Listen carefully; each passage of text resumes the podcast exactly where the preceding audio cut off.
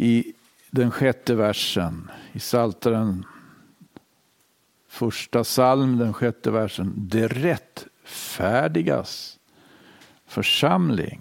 Det rättfärdigas församling. I eh, den sjunde salmen har vi uttrycket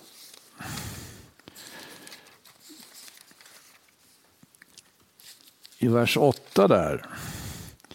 Folkens församling. Folkens församling. Eller folkets församling. Vi kan titta också på den 22 salmen. Där har vi uttrycket församlingen bara ja. I vers 23. Och i vers 26. Den stora församlingen. Den stora församlingen. Ett uttryck som återkommer flera gånger i psalmerna. I psalm 35 finns det och i psalm 40. Vi har också psalm 74. Där finns uttrycket församlingshus. Det är ganska intressant. Eh, det finns också ett uttryck här, menighet, 74 salmen i vers 2 där. Tänk på din menighet som du i fordom tid förvärvade. Som du förlossade. Pris Gud. Här kommer fram verkligen något av de tankar om församlingen som, eh, som så småningom Herren Jesus skulle komma på ett särskilt sätt att, eh, att påminna om, att undervisa om, att ge.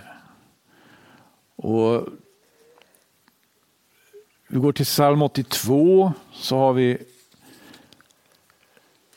ett, ett, ett, också ett, ett märkligt uttryck. Det står gudaförsamlingen. Gudaförsamlingen. Gud står i gudaförsamlingen. Eh, första versen i den 82 salmen. Vi har också den 89 salmen. Där, där, där har vi uttrycket det heligas församling. I vers 6. Den 111 salmen.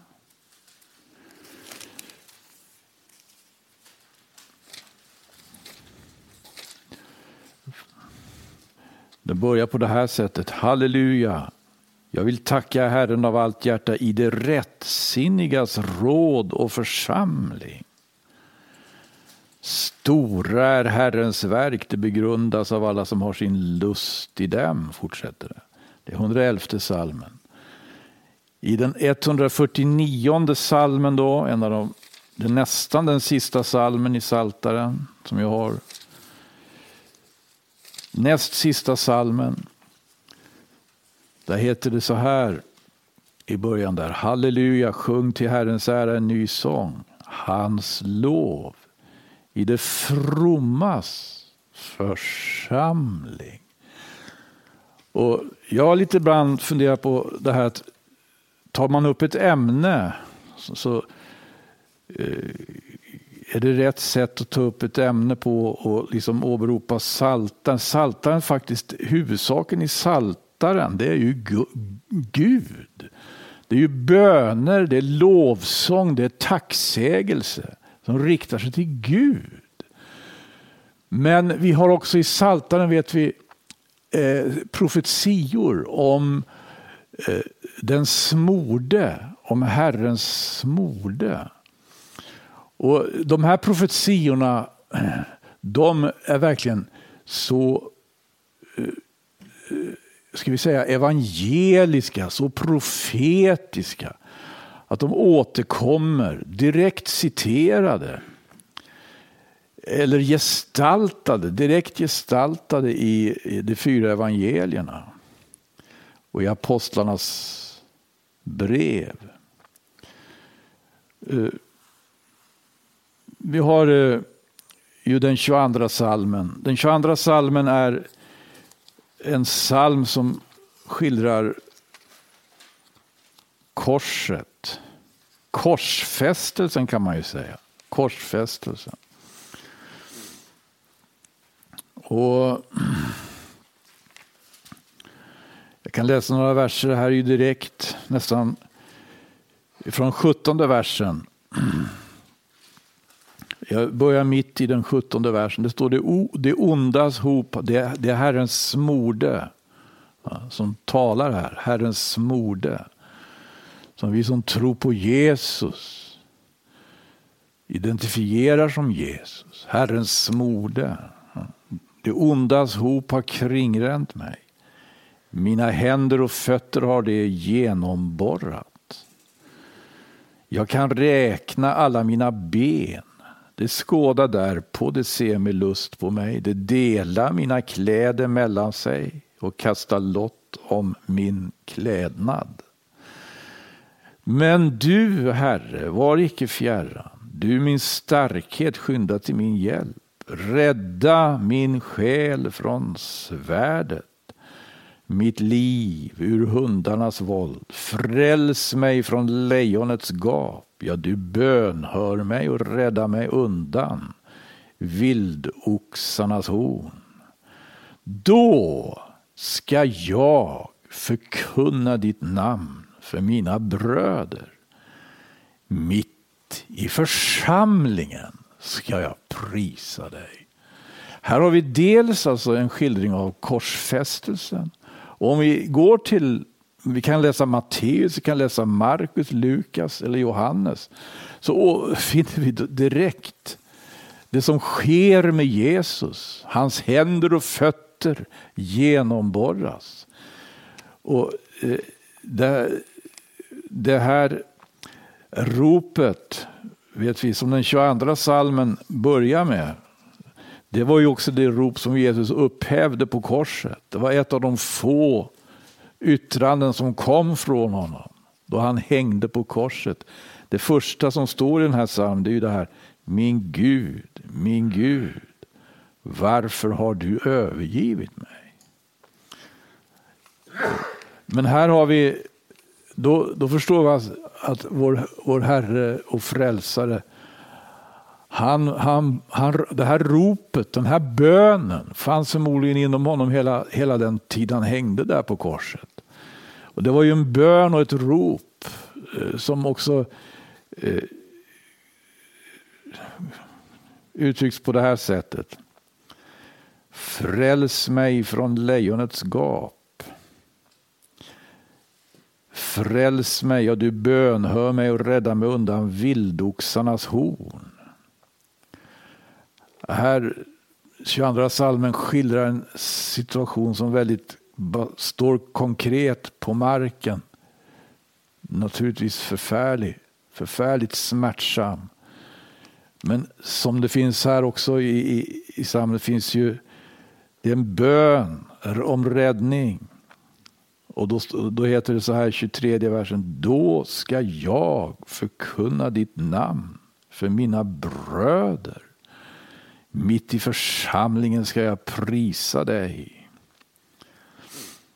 Det handlar om Guds namn. Det handlar om Guds lov och pris.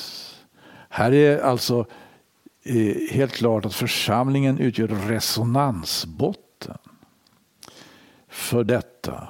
Därför är ju församlings, vad säger, tanken här som, som vi möter den i psalm, Saltaren tycker jag är viktig. Det, det, ska vara församlingen. Det ska vara en resonansbotten för Guds lov och tack och pris. För, eh, den, för böner och rop som riktas till den levande guden. Och det är mycket intressant när Jesus eh, blev, som det heter någon annanstans, bönehörd och tagen ur sin ångest. Han blev bönehörd och tagen ur sin ångest. Eh, det här eh, handlar om uppståndelsens morgon. Uppståndelsen. Vart och ett av de fyra evangelierna eh, skildrar ju uppståndelsen och Johannes evangeliet Eh, så har vi den här händelsen.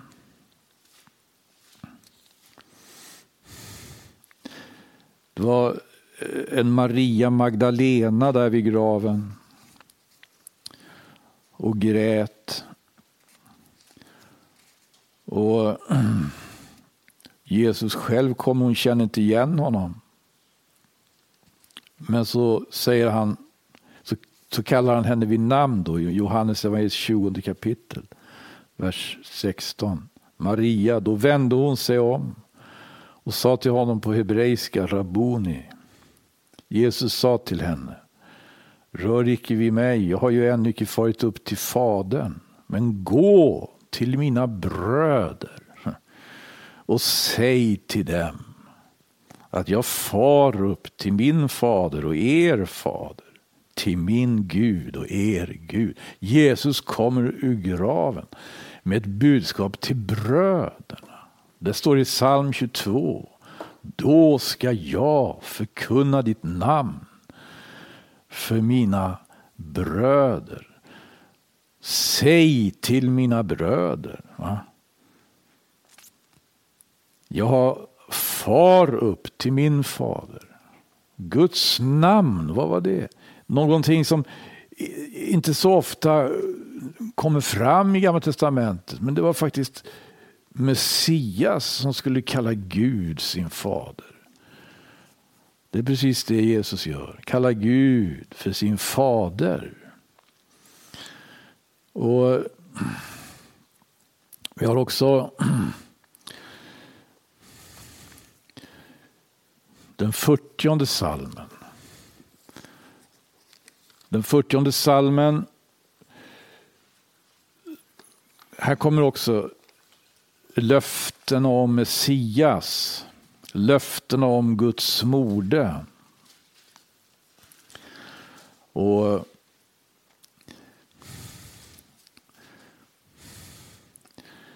Det här, här är också Guds mode som talar i psalm 40 ifrån sjunde versen. Till slaktoffer och spisoffer har du icke behag. Öppna öron har du givit mig. Brännoffer och syndoffer begär du icke. Därför säger jag, se jag kommer i bokrullen är skrivet vad jag ska göra. Att göra din vilja, min Gud, är min lust och din lag är i mitt hjärta. Jag bådar glädje. Jag förkunnar din rättfärdighet i den stora församlingen. I den stora församlingen. Se, jag tillsluter icke mina läppar, du Herre vet det. Det här är uttrycket den stora församlingen. Och jag funderar lite grann på det. Varför ska det här på det viset understrykas? Vad kan man tänka? Ja, det närmaste att tänka på det är ju naturligtvis alla de tolv stammarna. Alla de tolv stammarna. Israels tolv stammar. Det Gud gör med sitt folk Israel och för sitt folk Israel. Det ska naturligtvis alla de tolv stammarna känna till och få veta. Men det sker någonting här. Därför att Jesus kommer att sända sina vittnen ut över hela världen. I, i de fyra väderstrecken. Och då kan jag tänka mig att det här finns, här talas om något, något, väldigt, ett, en, ett vid, något, något som är väldigt vitt, den stora församlingen. Det här budskapet ska ut. Det ska ut i de fyra väderstrecken. Och det är mycket intressant här just till exempel att när vi läser Uppenbarelseboken så insisterar Jesus på att kalla de som tror på honom för judar. Guds ande insisterar på att kalla de som tror för judar. Aposteln Paulus undervisar om en omskärelse som inte sker med händer. Men som gör den som tror på Jesus till en medborgare i Israel. Och Jakob då börjar ju sitt brev med att adressera de tolv stammarna, de tolv stammarna som bor kringspridda bland folken. De tolv stammarna som bor kringspridda bland folken. Och som är Guds och Jesu vittnen bland folken. Jag tycker det här Jag bådar glädje, vad är det? Glädjens budskap. Det är evangelium. Jag förkunnar din rättfärdighet. Vi är i psalm 40 här, vers 10. Se, jag tillsluter icke mina läppar, du Herre vet det. Din rättfärdighet fördöljer jag icke i mitt hjärta. Om din trohet och din frälsning talar jag. Jag förtiger icke din nåd och din trofasthet för den stora församlingen. Jag förtiger icke. Och det här gör alltså jag kommer att tänka på Jesu ord om vi går till Markus evangeliets åttonde kapitel och vers 38. Markus evangelium. Där säger han så här. Och det här är ju Salmens ord tycker jag, som på det sättet gestaltas. Alltså.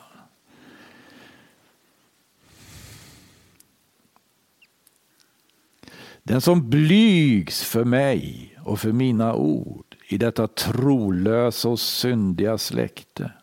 För honom ska och Människosonen blygas. När han kommer i sin faders härlighet med de heliga änglarna. Just att, att inte förtiga det, det som Jesus har kommit med. Att inte förtiga det. Om din trohet och din frälsning talar jag. Jag förtiger icke din nåd och din trofasthet för den stora församlingen. Vilka är det då? Vilka är det stora? Alla! Det är alla människor. Den stora församlingen. Det är alltså inte det rättfärdigas församling som det står om i första salmen. Eller det frommas församling som det står om i 149. Så vad är fromhet för någonting? Fromhet låter ju religiöst. Men fromhet, det är, det är bön. Det är att studera skrifterna, heliga skrifterna. Det är att bedja. Är det för religiöst, då, då kommer vi ju räddningslöst förlorade om vi inte kan vara åtminstone religiösa på den punkten. Då. Vi, det frommas församling. Det fromma. Det står om en församling som vi möter i Nya Testamentet.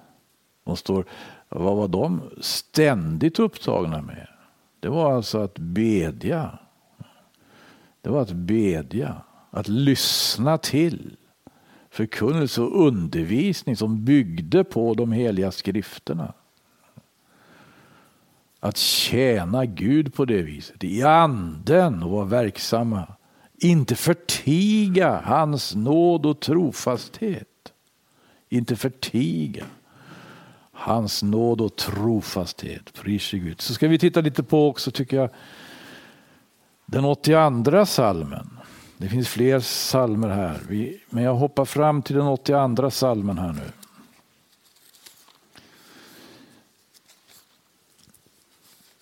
Och fundera lite grann på det här uttrycket gudaförsamlingen. Gud står i gudaförsamlingen.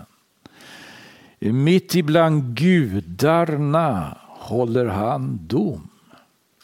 Hur länge ska ni döma orätt och var partiska för det ogudaktiga?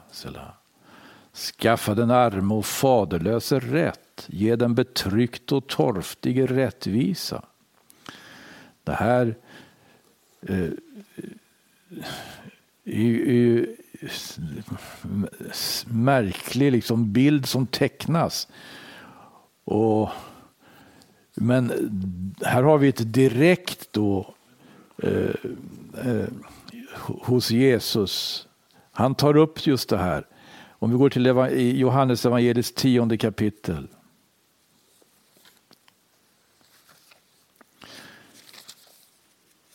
Johannes evangeliets tionde kapitel, vers 35. Jag kan ta ifrån 33 versen, för Jesus blir ju anklagad. Judarna, står det, svarade honom. De svarade honom. Då kanske vi ska ta med det han sa, då, det är vers 32. Jesus sa till dem, många goda gärningar som komma från min fader har jag låtit er se. För vilken av dessa gärningar är det som ni vill stena mig? Judarna svarade honom. Det, gick för no det var alltså hans landsmän. Det är icke för någon god gärnings skull vi vill stena dig, utan därför att du hädar och gör dig själv till Gud, du som är en människa. Jesus svarade dem, det är ju så skrivet i er lag. Jag har sagt att ni är gudar. Om han nu har kallat för gudar dem som Guds ord kom till. Här stod han bland judarna, hans landsmän. Där var de skriftlärde, där var de fariseer och sadduceer, där var överste präster och äldste. Och det var det folk som Guds ord hade kommit till. Guds ord hade kommit till det. Och Jesus säger, han har kallat er gudar. Va? Som Guds ord har kommit till. Skriften, säger han, kan ju inte bli om intet. Hur kan ni då på den grund att jag har sagt mig vara Guds son anklaga mig för hädelse mig som Fadern har helgat och sänt i världen? Vi säger väl inte att vi är gudar därför att vi har kommit till tro på, men vi brukar säga att vi är Guds barn. Eller hur? Vi har blivit Guds barn. Men Jesus säger, det här står ju. De som Guds ord kom till. Men tänk vad många det är i världen idag. Då. Är det inte rätt många som tycker att det här är väldigt märkligt? Det, det, det gör, gör, gör, oss så märkliga, på något vis så märkvärdiga kanske också. Att Guds ord har kommit till oss. inte det vad så att säga många gånger traditionen handlar om? Man bygger ju monument över detta. Man bygger, det blir så att säga det blir kyrkor och det blir katedraler och det blir traditioner och det blir ceremonier och man ska markera Guds ord har kommit till oss. Men aposteln Paulus måste ju sin också göra en uppgörelse med dem som visserligen Guds ord hade kommit till. Guds ord hade kommit till men de hade en tendens att göra sig stora med det. Istället för att göra Gud stor. Istället för att instämma i Guds lov och tack och pris. Och ge honom äran. Så börjar man göra sig själv. Det fanns en tendens i Korintierförsamlingen. De sa inte att de var gudar, men de uppträdde lite som att de hade liksom fått en sådan värdighet att eh, aposteln sa ni, eh, ni uppträder som konungar. Ska vi se på det? Det var första, första Korintierbrevet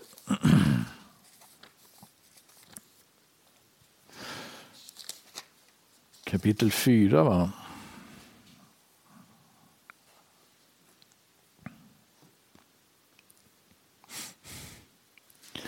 För i Korint var det ett väldigt käbbel där, vem man, vem man skulle hålla sig till. Det fanns ju flera apostlar. Ska man hålla sig till den eller den eller den? Ja, det kan ha varit en väldig... Det är inte alltid så lätt det naturligtvis. Vi har kanske varit med om det att vi har mött Herrens tjänare och vittnen som har varit väldigt utrustade. Och så kommer det kommer fler, då kan man känna det här att det sliter. Vem ska man hålla sig till? Vem ska man? Men det hade på något sätt eh, aposteln Paulus, han menade att det här var onödigt. Skriver så här i sjätte versen. Första Korinthierbrevets fjärde kapitel. Detta mina bröder har jag nu för er skull så framställt, som gällde det mig och Apollos. Ty jag vill att ni ska i fråga om oss lära er detta, icke utöver vad skrivet är. Jag vill icke att ni ska stå emot varandra, uppblåsta var och en över sin lärare. Vem säger då att du har något företräde? Och vad äger du som du icke har fått dig givet? Men har du nu fått dig givet vad du har, hur kan du då berömma dig så som om du icke hade fått dig det givet? Här, här sätter han fingret på någonting. Det här, de, istället för att, för att ge Gud där, uppträda som att det Gud har givit, det, det, har vi trots allt skaffat oss själva. Hur kan du då berömma dig så som om du icke hade fått dig det givet? Ni är kan tänka redan mätta, ni har redan blivit rika, oss förutan har ni blivit sannskyldiga konungar. Ja, jag skulle önska att ni verkligen hade blivit konungar så att vi kunde få bli era medkonungar. Han, han, han, han, han skriver att de hade verkligen, de gav, hade verkligen kommit dit att de gav verkligen intryck av att ha liksom kommit någon vart och blivit konungar, sannskyldiga. Men så skriver han samma mening, men jag önskar, ja, jag önskar att ni verkligen hade blivit konungar. Det vill säga, det var trots allt inte så, så förankrat. Det var, det var ett sken. Mig tycks nämligen att Gud har ställt oss apostlar här såsom det ringaste bland alla, såsom livdömda män. Ett skådespel har vi ju blivit för världen, för både änglar och människor. Vi är dårar för Kristi skull, men ni är kloka i Kristus. Vi är svaga, men ni är starka. Ni är ärade, men vi är föraktade. Mycket allvarligt det här. Och i samma brev så får han göra klart i kapitlet tidigare att man, man ska, man, det är så lätt att inbilla sig saker och ting.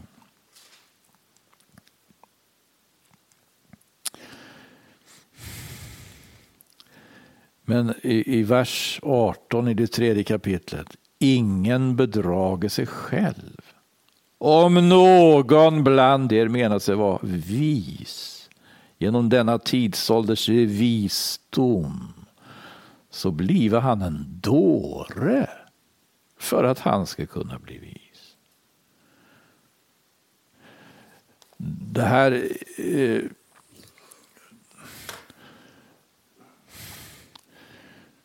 Det är så många, tror jag, vad säger som gör ett misstag att liksom koppla kunskapens dödsgrepp om evangelium.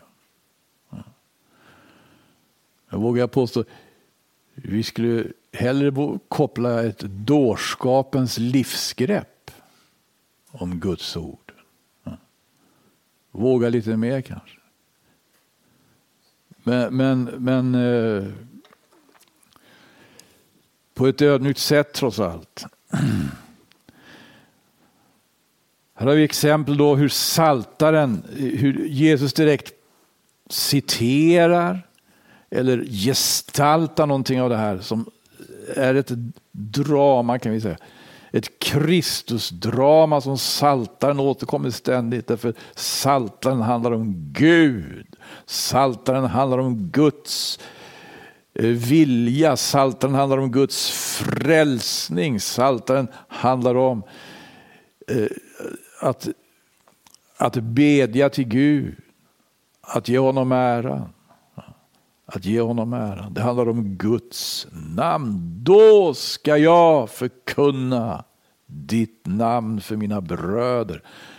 Här kommer församlingen in som ger resonansbotten åt Guds lov och pris och tack. Och jag ska också titta lite, vi ska titta lite på 74 salmen. För här kommer, här kommer uttryck som är ändå lite annorlunda. Det står, vi har tittat redan på ett här.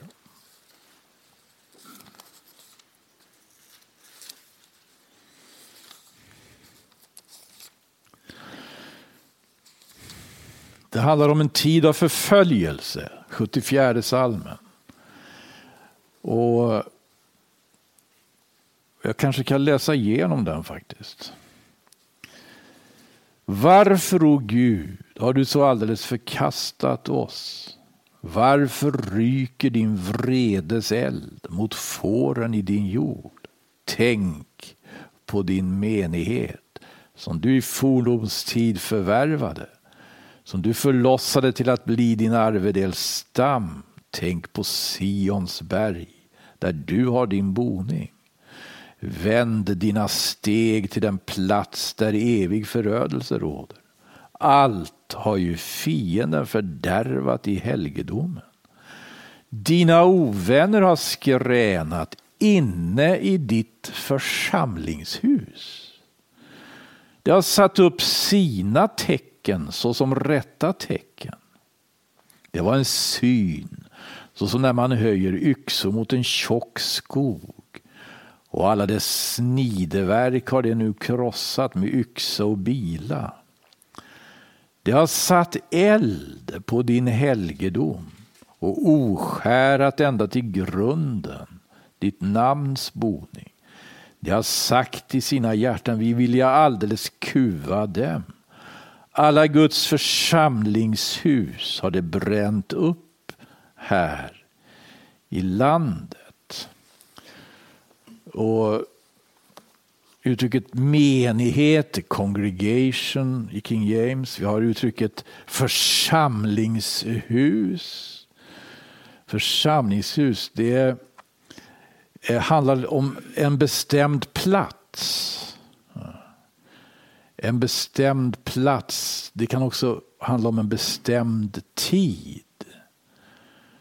Eh, I, i eh, Hebreiskans eh, stavas det i alla fall, jag vet inte om det är så som det låter, men det stavas moed. moed.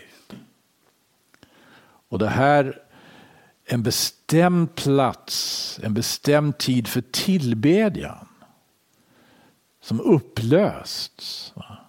En bestämd plats, en bestämd tid. Här finns någonting av eh, en, en, en, en eh, tanke med Guds församling, med Guds och med Guds tjänst. Alltså att eh, regelbundet församlas.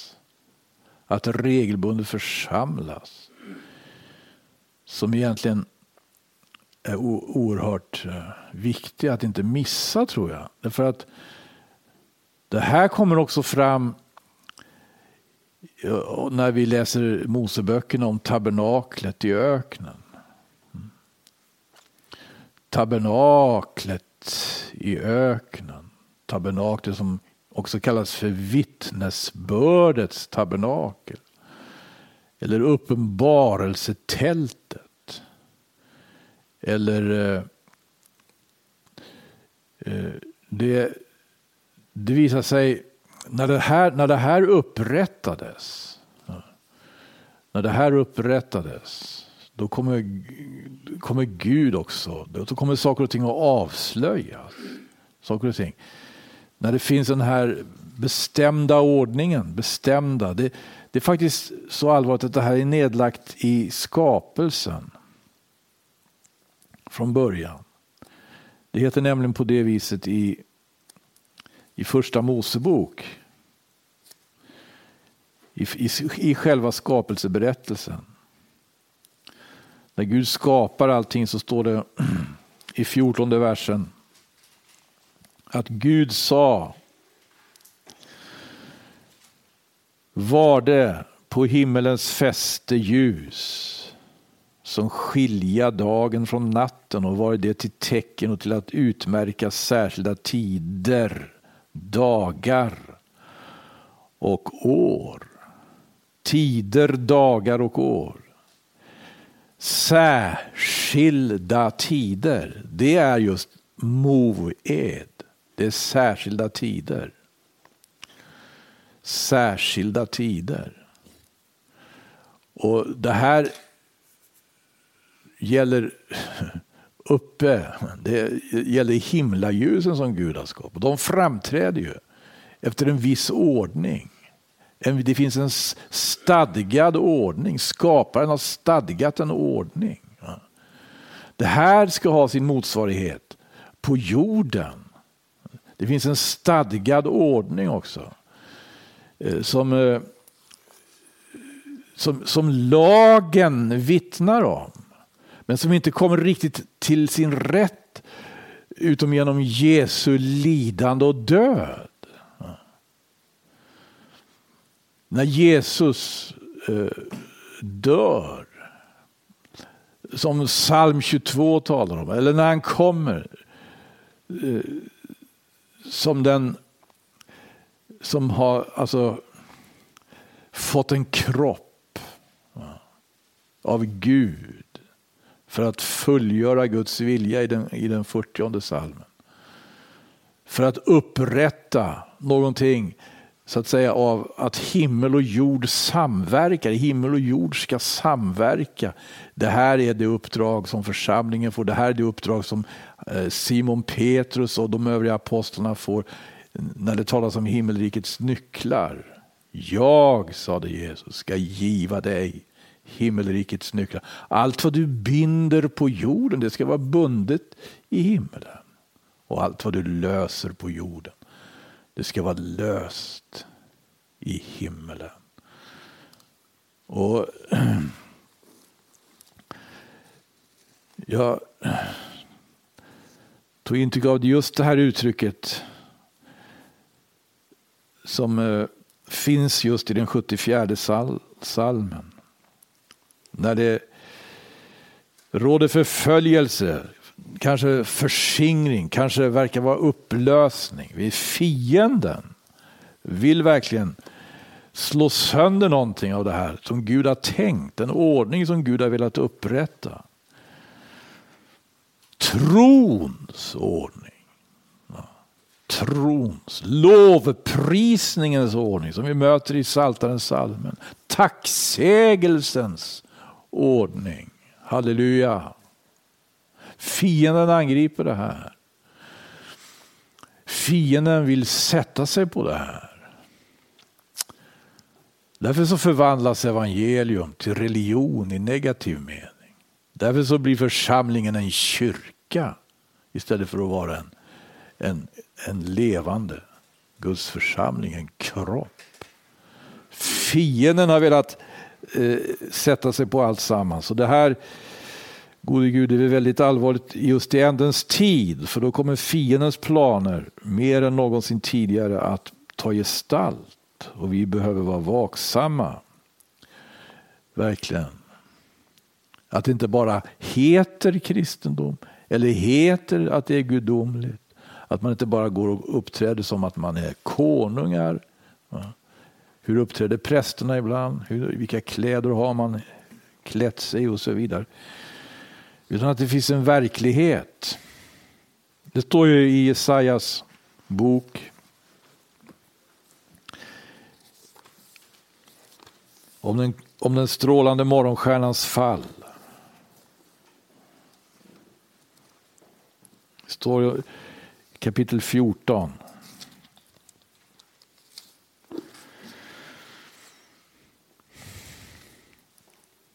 Vers 12.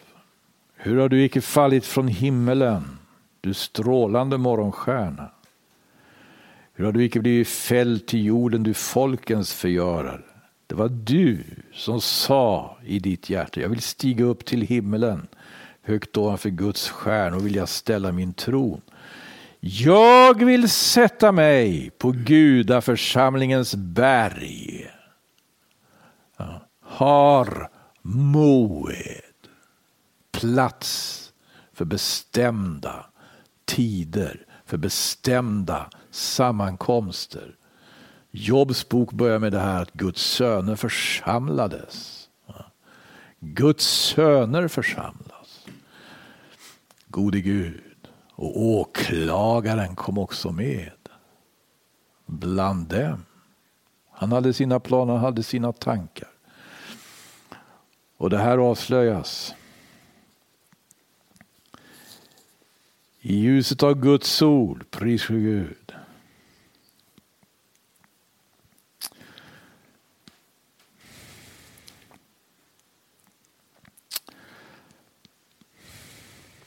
Ja,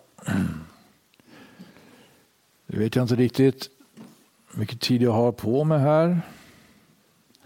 Församlingen i Saltaren är i alla fall ämnet och jag kanske får anledning att återkomma till det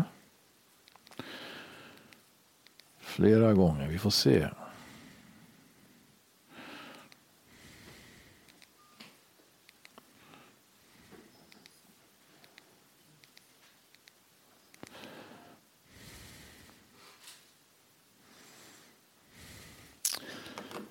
Men någon kanske vill tala med Herren innan vi avslutar här. Varsågod.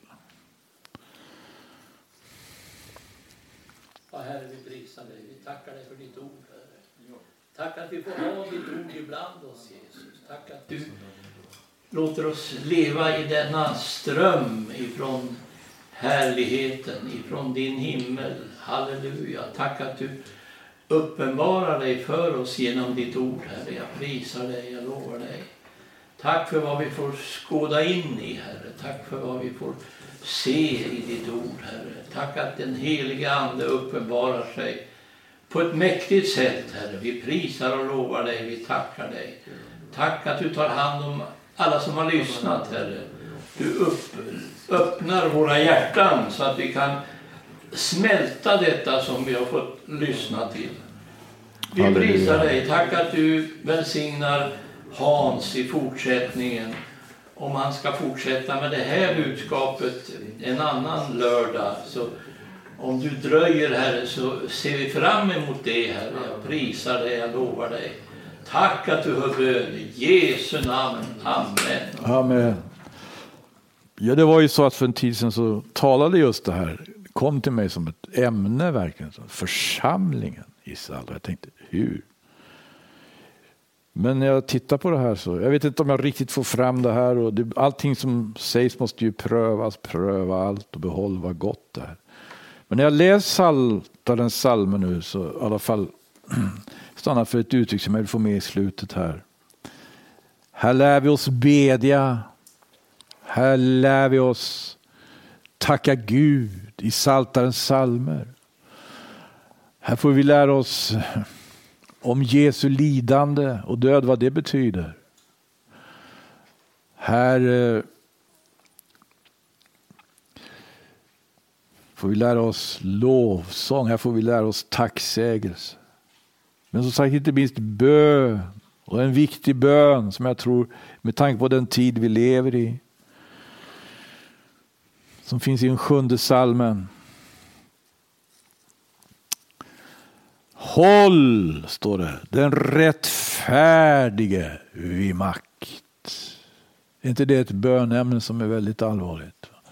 Håll, vi ser vad som sker i världen, vi ser vilka ambitioner som finns och vilka avsikter. Håll den rättfärdige vid makt. Det är viktigt att vi förstår Guds tankar med församlingen. Håll den rättfärdige vid makt. Himmelske Fader, vi prisar dig, vi tackar dig. Halleluja. Vi har ju den rättfärdige gode Gud som Stefanus talar om. Och du håller honom vid makt, Herre. På det viset är allting, Herre. Det, är, det står fast i själva himmelen, men det behöver också återspeglas här på jorden i världen, Herre. Gud i himmelen, håll den rättfärdige vid makt. Det gäller som Herren har sagt att vi genom ståndaktighet kan vi vinna våra själar. Och halleluja, vi tackar dig, vi prisar dig, levande Gud. Och vi ber dig ta hand om var och en, ta hand om var och en som har hört, ta hand om vårt öra, ta hand om vårt hjärta, ta hand om varje enskild individ. Gode Gud, hjälp oss Herre när vi går vidare i en svår tid, Herre. Pandemier, terror, trakasserier vilket, vilket elände. Gode Gud, vi får höra om dagligen. Men håll du, Gud, den rättfärdige vid makt och vi ska tacka och prisa dig. I Jesu namn. Amen.